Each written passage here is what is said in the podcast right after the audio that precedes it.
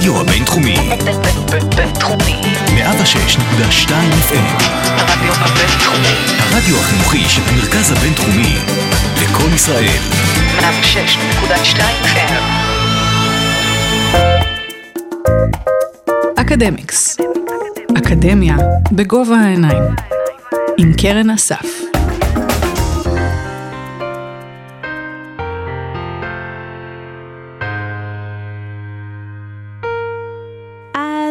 שראינו כילדים ובעיקר כילדות את כל סרטי דיסני עם הנסיכים והנסיכות והאהבות הנהדרות שמגיעות ממש מהנשיקה הראשונה, איך זה משפיע על התפיסה שלנו למהו סיפור האהבה המושלם? וגם אם ברור לנו שלעולם לא נוכל להיות נסיכות באיזו ממלכה מרוחקת, אה, להיות בת הזוג של ראש נבחרת הכדורסל, דווקא יכול להיתפס כחלום די הגיוני. אז איך אתם חושבים שבנות ישראל הגיבו לסרט על סקיול מיוזיקל? האם הן קנו אותו? ומה היה ההבדל בין בנות הפריפריה לבנות המרכז? האזינו להמשך השיחה שלי ושל דוקטור שירי רזניק, פסיכולוגית חברתית ומרצת הקורס ייצוגים של אהבה וזוגיות בתרבות הפופולרית בבית הספר לתקשורת כאן באוניברסיטת רייכמן.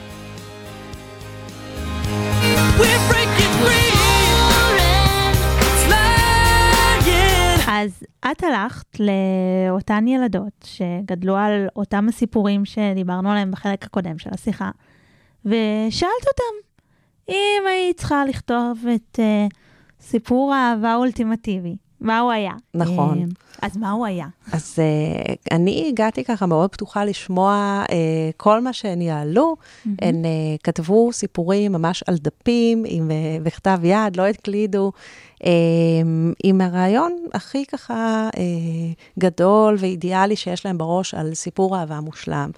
חשוב לציין שהם לא עשו את זה מולי, זה לא ככה כמו מבחן מול מורה, mm-hmm. היה להם את הזמן בבית, וזה נשלח באופן uh, אליי בתוך מעטפות, חומות, חתומות, זה ככה היה סודי.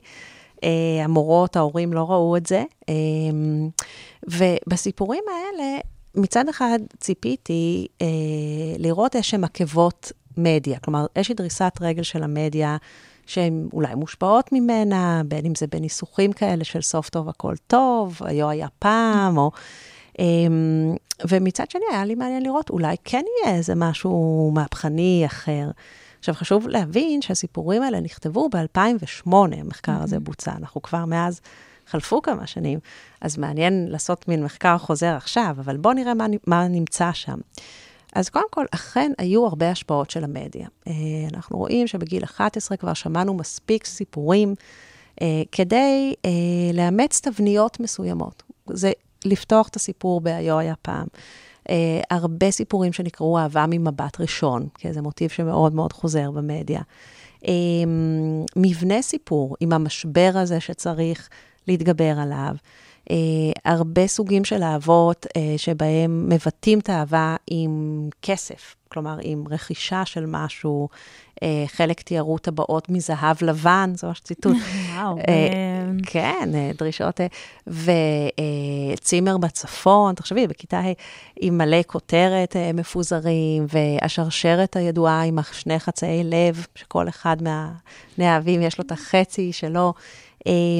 אז מצד אחד המדיה מאוד נכחה, אבל עדיין מתוך 77 סיפורים, היה שליש, שזה מספר מכובד, שפרץ גבולות והציע מודלים מאוד מעניינים של רומנטיקה שחורגים ממה שהמדיה אז ייצגה, היום קצת מייצגת יותר, בעיקר בתחום של המגדר. כלומר, אה, שליש מהבנות לא רצו להיות היפהפייה הנרדמת, או הנסיכה הפסיבית הזו, הן רצו להיות אה, נסיכות מסוג אחר, או לא בכלל. כלומר, mm-hmm. יש לי סיפורים אה, שמדברים על זה שאת כבחורה, או ילדה אפילו, יוזמת את הקשר, את לא מחכה. את זו שמציעה חברות בכיתה עם פתק, את זו שכשהוא אומר לך שהוא לא מעוניין, רודפת אחריו ומתקשרת אליו שוב ושוב עד שהוא מסכים להודות באהבתו. ויש גם את אלה שהלכו על כיוון קצת יותר עקיף של לחזר אחריו בלנפנף בשיער ולעפעף בעיניים, אבל בהחלט חיזור נשי, אה, ולא לחכות שהוא יגיע. היה מעניין לראות שדווקא בפריפריה, כלומר, אני השוויתי כאן שתי קבוצות של מרכז ופריפריה, שזה לא רק גיאוגרפי, נכון? בישראל זה גם חברתי. Mm-hmm. היו פערים משמעותיים סוציו-אקונומיים לטובת המרכז. ו- ודווקא מהפריפריה הגיעו הסיפורים המהפכניים ביותר, האקטיביים ביותר מבחינה נשית, פמיניסטית. אה, למה אני אומרת דווקא? כי הרבה כן. פעמים, mm-hmm. כשאני שואלת אנשים, מה נראה לכם שהיה הממצא? איפה יותר היו סיפורים אה, פמיניסטיים, פורצי דרך מגדרית? אז אנשים בדרך כלל מנחשים שבמרכז, כי במרכז הם יודעים שסטטיסטית יש נניח אה, השכלה גבוהה יותר בקרב ההורים, מעמד כלכלי גבוה יותר בממוצע כמובן, וזה אכן גם כן. היה בקבוצות אצלי, אה, אימהות שהן אולי יותר אוחזות בגישות פמיניסטיות מוצהרות. אה, אז אנשים בגדול, יש להם איזו תפיסה של אזור המרכז כמתקדם יותר, פחות מסורתי מבחינה דתית. זה גם משהו ששמתם כאיזשהו, זאת אומרת, במודע היה שם, שהנבדקות היו פחות אה, דתי, מסורתיות מבחינה דתית. נכון, כלומר, אה, בהתאם לסטטיסטיקה הכללית של ישראל, זה נבדק גם על שתי הקבוצות האלה, ואכן, קבוצה במרכז הייתה בממוצע עשירה יותר, חילונית יותר, השכלת הורים אה, גבוהה יותר. מבחינה דתית, הקבוצה במרכז הייתה אשכנזית יותר. כל השסעים החופפים האלה של החברה הישראלית שעדיין מתקיימים, לצערנו, את יודעת, mm-hmm. זה לאוכלוסיות אה, בפריפריה, זה לא חלילה שהן חלשות, הן מוחלשות. כלומר, מישהו גורם לזה שהפערים האלה מתרחשים כבר לאורך שנים, זה תקציבים של המדינה, כלומר, זה לא סתם קורה. אה, זה לא ששם פחות מוכשרים או פחות חלילה. אה, אבל מה שכן, אה, בניגוד אולי לסטריאוטיפ או התפיסה המוקדמת של מהמרכז תבוא המהפכה, כי שם האנשים עם החוזק הסוציו-אקונומי, זה פשוט לא ככה. כלומר, אה, אני חושבת שמי שמסתכל קצת בהיסטוריה, רואה הרבה פעמים שיש מהפכות שמתחילות מלמטה, מתוך הצורך באמת למרוד ולשבור משהו בתנאי החיים שהוא מאוד מצמצם. אה, והבנות האלה מהפריפריה, שיצרו נסיכות לוחמות, נסיכות שלא רוצות להיות נסיכות ורוצות להיות כמו כל אחד אחר, ופותחות בית יתומים, אה, ממש ככה, כלומר סיפורים, שזה הסיפור האהבה האידיאלי בעיניהן. לא דיסני של משרתים ומשרתות, אלא דווקא לפרוץ את המקום הזה. תחשבי, נסיכה פילנטרופית אה, שיש לה. זה הסרט הבא של דיסני, על פי בנות הפריפריה. הן, הם אמרו לי שהם כתבו את הסיפורים האלה, אחר כך כשפגשתי אותם לראיון, כי הן הבינו, אחת מהן אמרה שלא צריך לחכות בחיים, שדברים יבואו אלייך, שאת צריכה להיות אקטיבית כדי לשנות את החיים שלך. הדברים לא מגיעים עם כפית של כסף, תרתי משמע, לתוך הפה. את צריכה, אם את רוצה שיקרה לך משהו, למצוא עבודה, למצוא אהבה, את צריכה להיות אקטיבית, כי אין ברירה. אה, אחת אמרה לי, המשיח, אני הבנתי, לא יגיע. הדבר הזה, אה, איזושהי תובנת חיים כזו שדוחפת מאוד קדימה. אני לא אחכה שיבוא אליי איזה אה, נסיך אה, מושיע. היום זה עובד הייטק עם משכורת של... אלא הוא יגלה אותי בלימודים, אלא אני אזום. וגם העזו באמת לפרוץ את הגבולות האלה של מה נחשב רומנטי? כלומר, זה, זה רומנטי או לא שמישהי מתקשרת שוב ושוב אה, לבחור ואומרת לו, בוא נהיה, בוא תשקול את זה, בוא נהיה ביחד. אני הופתעתי בעיקר בהגדרה של רומנטי, על מה שקראת לו במאמר sisterhood. זאת אומרת, זה, רומנטי זה לא גבר אישה או גבר גבר, לא, לא משנה זה, זאת אומרת, זה... זה אחווה... נכון, זה אולי אה, אה, באמת הייתה התמה המפתיעה ביותר. היא הגיעה מאזור המרכז בלבד. Mm-hmm. שאם עד עכשיו אמרנו, הבנות מהפריפריה סיפקו כאן את המהפכה, לבנות מהמרכז פשוט יש מהפכה קצת אחרת, והיא שמה המון דגש על אנה ואלזה עוד לפני שהן נוצרו. כי כשאני, הם כתבו את זה ב-2008, אנה ואלזה יוצא חמש שנים אחר כך, הם, הם הקדימו את זמנם. אה, והדבר הזה הוא אומר שאהבה אידיאלית היא כזו שבכלל היא בין שתי חברות טובות, תחשבי על הגיל הזה של כיתה ו', כמה זה משמעותי, החברה הכי טובה לבנות. Mm-hmm. אצל בנים יש לנו יותר דפוסים של חבורות mm-hmm. בגיל הזה, ופחות החבר האחד. אצל בנות זה ממש זוגיות. אה, אפילו פיזית יש הרבה מגע ומשחק בשיער, והיא הילדה המשמעותית בחייך, והסיפורים האלה, מספרים על משולשי אהבה אה, שהבנות כתבו, ששתי חברות מאוד טובות מתעניינות באותו ילד בכיתה, זה הסיפור. והן לא נותנות לזה להפריד ביניהן. כלומר, בהתחלה זה מייצר איזה קונפליקט, ובסופו של דבר הן אומרות, החברות איתך טובה לי מכל, ממש מין שבועת אמונים כזו. וזה לא היה סיפור אחד לשניים, ממש דגם כזה שחזר על עצמו בסיפורים. אה, מאוד מעניין, אני חושבת, של להעדיף את החברה הטובה. אה, כאיזשהו אקט מרדני גם, של אני לא הולכת עם הסיפור של אה, בשבילו אני אתן את הכל, כמו אריאל של בת הים הקטנה, אלא אני לא אתן, עד איזשהו גבול שנראה לי. אה, ואם זה מסכסך ביני לבין החברה הטובה שלי, נמצא מישהו אחר. כל אחת מוצאת לה בסוף מישהו אחר. אז לי כן יש סוף טוב. סוף טוב, אבל אולי לא מהסוג של החתונה וה... של האהבה הקלאסית, במירכאות. של בחור פוגש בחורה, כן. וגם בדקת אה, במחקר אחר שלך לא רק איך ילדות אה, רואות את סיפור האהבה האולטימטיבי, אלא גם איך הן מסתכלות על כל מיני סיפורי אהבה שמוצגים במדיה, שמקרה הבוחן שלך היה הייסקול מיוזיקל. נכון, שוב, באותם שנים, 2008, 2009, mm-hmm. זה היה סרט בשיא הפופולריות שלו, למי שלא ראה, זה, יש כמה סרטים בסדרה. אני חייבת להגיד, את כתבת שם, אני אסגיר את הגיל שלי כשאני אגיד את זה, אבל הייתי בערך בגיל שלהן. אה, בכיתה ה', ואת כתבת שם, וראו אותו אפילו שמונה פעמים, ואני הסתכלת, מה זה אפילו. אני ראיתי 28 פעמים. כן, משהו כזה. נכון. אה, זה עולה כל הזמן עם הסטודנטיות. שהן גם מאוד מזדהות עם בנות המחקר. בעצם בנות המחקר הן כיום בגיל של הסטודנטיות, אני מחכה לרגע שאחת מהן פתאום תופיע לי בכיתה ותגיד, זה אני עניתי את התשובה הזאת. אה, מה שקרה במחקר הזה, אחרי שעשיתי איזשהו סקר צריכת מדיה מקדים, אה, גם במרכז, גם בפריפריה, והסרט הזה, הייסקול מיוזיקל 1 ו-2 היה, אז עוד לא היה חלק 3, אה, היה הפופולרי ביותר בכל האזורים, ממש הסרט שדובר. וקודם כל ניגשתי לראות את הסרטים. אני הייתי אז קצת יותר מבוגרת, ואמרתי, בואו נראה איזה מין סיפור אהבה זה. אה, יש לציין שזה מבית דיסני. כלומר, mm-hmm. חשוב לנו להגיד את זה, כי זה שוב נופל, כן, להרבה מהתבניות של דיסני. אה, הבחור... שם זה לחלוטין גבר פוגש אישה, יש קשיים מתגברים וחיים באושר. נכון, ושרים ככה, שירים, אה, במקום שהנסיכות ישירו, הפעם הם שרים אה, במחזמר שהם רוצים להשתתף בו. אז זה מאוד מזכיר, ככה, נסיך ונסיכה, אבל יש לנו כאן בכל זאת, זה כבר 2008, שבירה של סטריאוטיפים, שהיא בחורה מאוד חכמה ומוצגת כמין מצטיינת במתמטיקה ומדעים. הוא קצת יותר סטריאוטיפי, הוא גיבור uh, קבוצת הכדורסל, הקפטן, החתיך, כלומר, את זה ראינו כבר mm-hmm. בסרטים קודמים, בקומדיות רומנטיות. Um, ואולי המוטיב הכי בולט כאן, שהוא לא חדש, זה הגילוי שלה, הוא פתאום רואה אותה, ומאפשר לה להרגיש איזשהו ביטחון עצמי ולשיר על במה, כלומר, זה... אחר כך ראינו את זה בכוכב נולד עם ליידי גאגה, mm-hmm. שזה סרט שיש לו גלגולים קודמים, זה לא פעם ראשונה שמספרים את הסיפור הזה של כוכב נולד. אמ, אז מוטיב הגילוי, נכון? זה קצת סינדרלה, מישהו יבוא ויגלה אותי. אמ, מה שהיה מעניין, שהקבוצות שלנו, של הבנות מהפריפריה והמרכז, גם פה, אמ, שמאוד מאוד אהבו את הסרט והתרגשו לצפות יחד איתי שוב בקטעים, לצד האהבה לסרט, עלתה ביקורת מאוד מאוד קשה עליו. איזושהי מודעות בוגרת בצורה שאותי מאוד הפתיעה.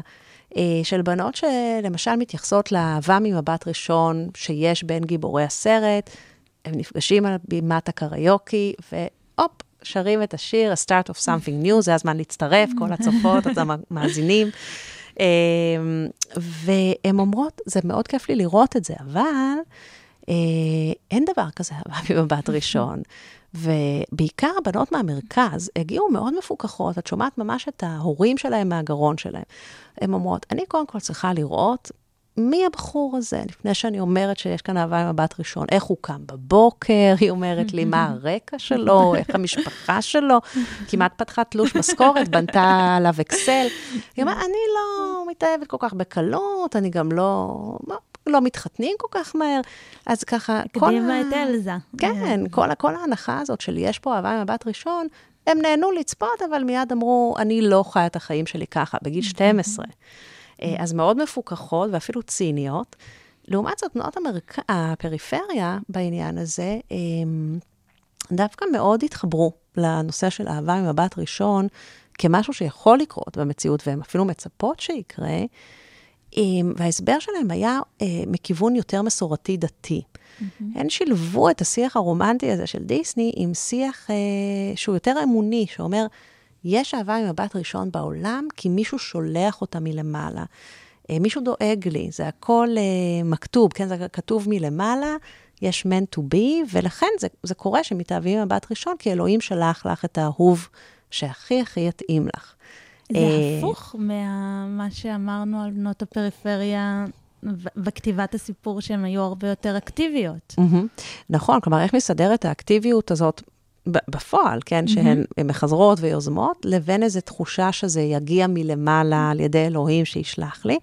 אז זה, זה שילוב מאוד מעניין, כי הרי זה לא בנות שהן בחינוך דתי, הן מסורתיות, אבל לא אה, גדלות נגיד בבית ספר מופרד של בנות, אז תראי את השילוב הזה בין מצד אחד איזה שיח בבית ובסביבה של אה, הכל כתוב מלמעלה, ככה אימא שלי אומרת לי, אומרת ילדה, אה, לבין זה שבפועל היא מאוד מאוד אקטיבית ולא מחכה לגורל הזה. אז אה, יש פה איזושהי דואליות.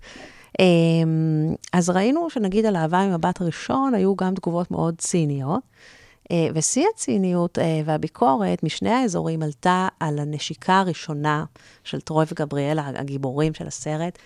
אה, הנשיקה הזו חיכו לה שני סרטים שלמים, את בטח זוכרת, אה, מתי הם יתנשקו, מתי זה יקרה, וכשזה קורה בסוף הסרט השני, זה מאוד מאוד גרנדיוזי. אה, בואי רגע ניזכר יחד עם המאזינים והמאזינות באיך נראתה הנשיקה הראשונה שלנו. אה, הנה, רגע, דמיינו את זה, מי שזוכר, איפה זה היה, עם מי זה היה. אה, להרבה אנשים יש אה, זיכרון, איך לומר, אה, לא מושלם. כלומר, קצת לא ידעו מה לעשות עם הלשון, איך לזוז, מה לעשות, אה, ולחלק זה גם היה מרגש ונהדר, אבל זה בטח לא היה מה שקורה בסרט, ששם יש נש... נשיקה ראשונה עם זיקוקים ברקע, ממטרות שבדיוק מתחילות לפעול ומרטיבות את כולם, ואת הזוג. אה, החברים שלהם שרים ברקע שיר על אהבה. Uh, ואם היה חסר לך משהו, כי אני בטוחה שהיה חסר לך, גם uh, בלונים עם uh, נורות בפנים שפורחים באוויר, גם היה. יש כאן עודפות רומנטית עצומה. כלומר, כמה דברים בסצנה אחת, נכון? זיקוקים ובלונים, ו... ו... והכל ספונטני, זאת אומרת, כן. אה, כן. מה, זה לא קרה לך בנשיקה הראשונה, שהיה לך, פתאום התחילו ממטרות וגשם ירד. ו... בדיוק. אה, ומסתבר שגם בגיל 12, אה, בנות המרכז אומרות לי, זה פשוט פתטי, זו המילה שהן אומרות. הן נורא מתרגשות כשזה מוקרן מולן, בכל זאת, זה נשיקה, זה משהו שככה, זה ראשית התשוקה המינית של גיל 12. אה, הן רואות את זה שוב ושוב, הן אומרות לי בבית, אבל אומרות, זה, זה מאוד מבוים, זה, זה לא ייתכן שיש נשיקה כזאת, זה קיץ', זה לא רומנטי, מרוב שהתאמצו אה, להכניס פה את כל המאפיינים. מישהי אחת מציעה, אפשר היה רק עם הזיקוקים, אבל לא צריך גם את הממטרות ואת הבלונים ואת החבר'ה ששרים ואת ה... אמ, אז באזור המרכז, במילה אחת, הן אומרות, זה קיץ' מדי. אמ, בפריפריה, הן לא הולכות על הכיוון הציני הזה, אבל כן הן אומרות, ביקורת קשה אחרת, שזה מאוד לא צנוע. אה, להתנשק מול כל החברים, שכולם צופים. אומרות, אני רוצה לעצמי נשיקה ראשונה בפרטיות, בחדר שלי. אה, אז הן באות עם ביקורת מצד אחר, שזה לא צריך להציג ככה נשיקות ראשונות, שזה לא, מישהי אומרת, חתונה, אירוע, פומבי כל כך. אמ, אז עולה לנו מאוד חזק היכולת של קהל, אפילו צעיר, להעביר ביקורת, נכון? ולהגיד, אני מאוד אוהבת את הסרט הזה, אבל הייתי משנה כמה דברים, וגם לעצמי, אני לא רוצה את זה. אני לא רוצה את אותו סיפור לעצמי. אה, ואני אכתוב לי סיפור אהבה אחר, כמו שראינו בשלב אחר במחקר.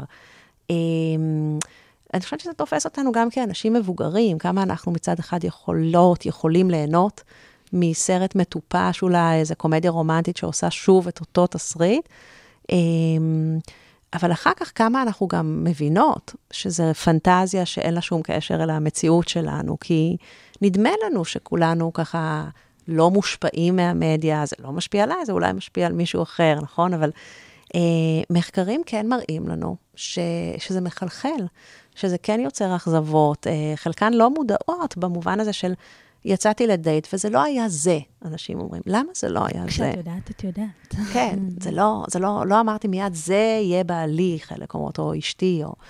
אמ, אז יש איזו ציפייה שדברים כן יקרו, איזה פרפרים בבטן ישר על ההתחלה, אמ, שבקשר יהיו גם איזשהם אולי אה, פיקים כאלה, שיאים, ובריבות סוערות ופיוסים סוערים, וכל מיני מיתוסים על אהבה שאנחנו ספגנו, שאהבה גוברת על כל מכשול, שהפכים נמשכים, שאני יכולה להמשיך, אבל בעצם מה שמשותף לדברים האלה זה ששוב ושוב אנחנו רואים מחקרים פסיכולוגיים שמראים שזה לא נכון. כלומר, איזה זוגות יש להם באמת הכי הרבה סיכוי להישאר ביחד לאורך זמן?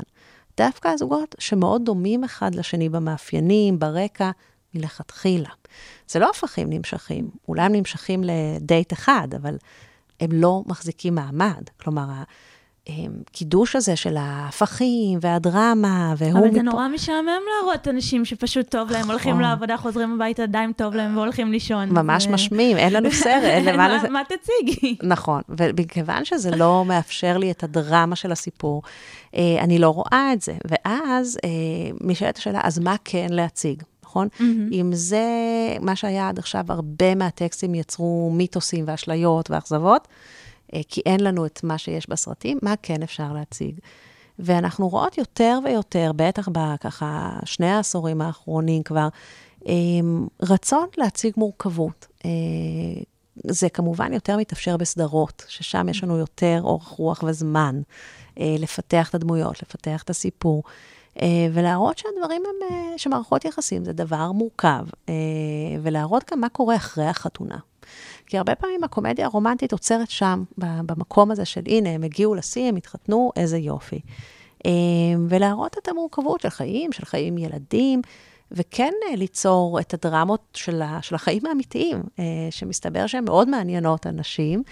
אה, מה קורה עם שחיקה בקשר לאורך זמן, ואם אנחנו כן רוצות להישאר בקומדיה הרומנטית, אז uh, גם שם התחילו להופיע כל מיני uh, סרטים שכבר לא מסתיימים ממש בהפי אנד קלאסי. Um, זה מתחיל בסרטים יותר מוקדמים, ככה שנת 2007-2008, ג'ונו, uh, למי שראה את הסרט הזה, um, שבו יש לנו נערה שנכנסת להיריון בכיתה י"ב, ומחליטה לתת את הילד לאימוץ, אה, ובמהלך הסרט היא מגלה שהנער שהכניס אותה להיריון, שבכלל לא הייתה מעוניינת בו, הם לא היו אז בני זוג, הוא האהוב הנכון לה. אה, האדם הלא זוהר הזה, שלא קפטן קבוצת הכדורסל, לא החתיך של בית הספר, אה, היא לומדת להבין שאהבה אה, זה חיבור בין שני אנשים שהוא לאו דווקא הדבר הזוהר הזה והמושלם הזה שתמיד אה, דיברו עליו. אה, אז זה מתחיל מסרטים כאלה שעושים איזושהי פרודיה גם על הנוסחאות האלה של המשבר, שחייבים להתגבר עליו, ש... שהוא רץ אחריה לשדה התעופה ונואם נאום, זה לא קורה כאן. היא מדדה לכיוונו עם בטן של חודש תשיעי, ובמקום נאום החזרה כזה, בוא תהיה איתי, הם פשוט מדברים באופן הדדי על הרגשות שלהם, וזה מאוד נוגע ללב. בהמשך יש לנו עוד, עכשיו לאחרונה, הצלחה מאוד גדולה של הסדרה חזרות, mm-hmm. שבאמת לוקחת את סיפור האהבה היותר קלאסי ואומרת, בואו נראה איך באמת זה מתנהל על המסך של זוג שנפרד. ועדיין עובד ביחד בעולם התיאטרון. יש שם סצנה באמת מופתית לקראת סיום הסדרה, שוב ספוילרים, שלוקחת את המיתוס הזה, את הקונבנציה הזאת של הנאום, נאום ההחזרה, שבסוף הוא רץ אחריה ונואם. ופה הוא גם מגיע הגיבור הגברי ומנסה להחזיר אותה אליו אחרי שהם כבר פרודים, ומול כולם בתיאטרון הוא אמור לנאום נאום גדול של את האחת של חיי, את חייבת לחזור אליי. ובפועל, מה שהוא אומר לזה, אני מת שתתפשרי עליי. שזה מסכם את הכל, שאהבה זה גם פשרות והרגלים, ו, וזה קומי, במובן הזה שזה מוצג לצופים, הצופים מאוד אהבו את זה, גם הצופות, שבכל קשר יש פשרה והרבה פחות happily ever after. אז יש דרכים גם להציג את זה עם קצת יותר הומור וקצת יותר מורכבות. ונראה לאן זה הולך. נטפליקס ממשיכים להוציא עוד ועוד סרטים וסדרות שיש בהם משהו אולי גם תקין פוליטית. כלומר, הם תמיד מסמנים וי על כל המשבצות של יש אדם אחד אפרו-אמריקאי ואסייתי, ו... כלומר, זה גם גיוון חברתי וגם תפקידי, תפקידי מגדר, שהם הרבה mm-hmm. יותר פורצי דרך, אה, גברים יותר אה, שנעזרים ובוכים ונשים יותר אקטיביות. אה, השאלה היא, יש את האפקט הזה של נטפליקס, שחלק אומרים שזה אה, מרגיש קצת כפוי. כלומר, לבוא ליצירה עם המון רשימה כזאת של לעשות ויים על, יש לנו גם את זה בעלילה וגם את זה בעלילה. האם זאת אומנות טובה? אה, כאן אולי עכשיו נושא, הוויכוח אה, מתמקד. אם אני עושה הכל נכון, ושוברת את כל הסטריאוטיפים, והאם יצרתי סדרה או סרט שהוא גם טוב אומנותית, אה, שכיף לצפות בו? זו שאלה, צריכים לראות אה, לאן הקהל אה, הולך עם זה. עד עכשיו היו להם כמה הצלחות מאוד מרשימות. אז כן, זה איזשהו מודל יותר חדשני, ש... שבא עם הרבה מודעות למה שהיה, מה שדיברנו קודם, נכון? על, על דיסני ועל הקומדיה הרומנטית הקלאסית. מודעות לסטריאוטיפים ורצון לשבור אותם ולעשות משהו אחר. אז אה, קודם כל, תודה על השיחה הזאת, אה, דוקטור שיר רזניק. ואתם מאזינים ומאזינות, מוזמנים uh, לשמוע גם את המשך השיחה שלי ושל uh, דוקטור רזניק על uh, ייצוגים של אהבה וזוגיות בתרבות, אבל הפעם לא רק על המסך. הסתקרנתם? האזינו להמשך השיחה.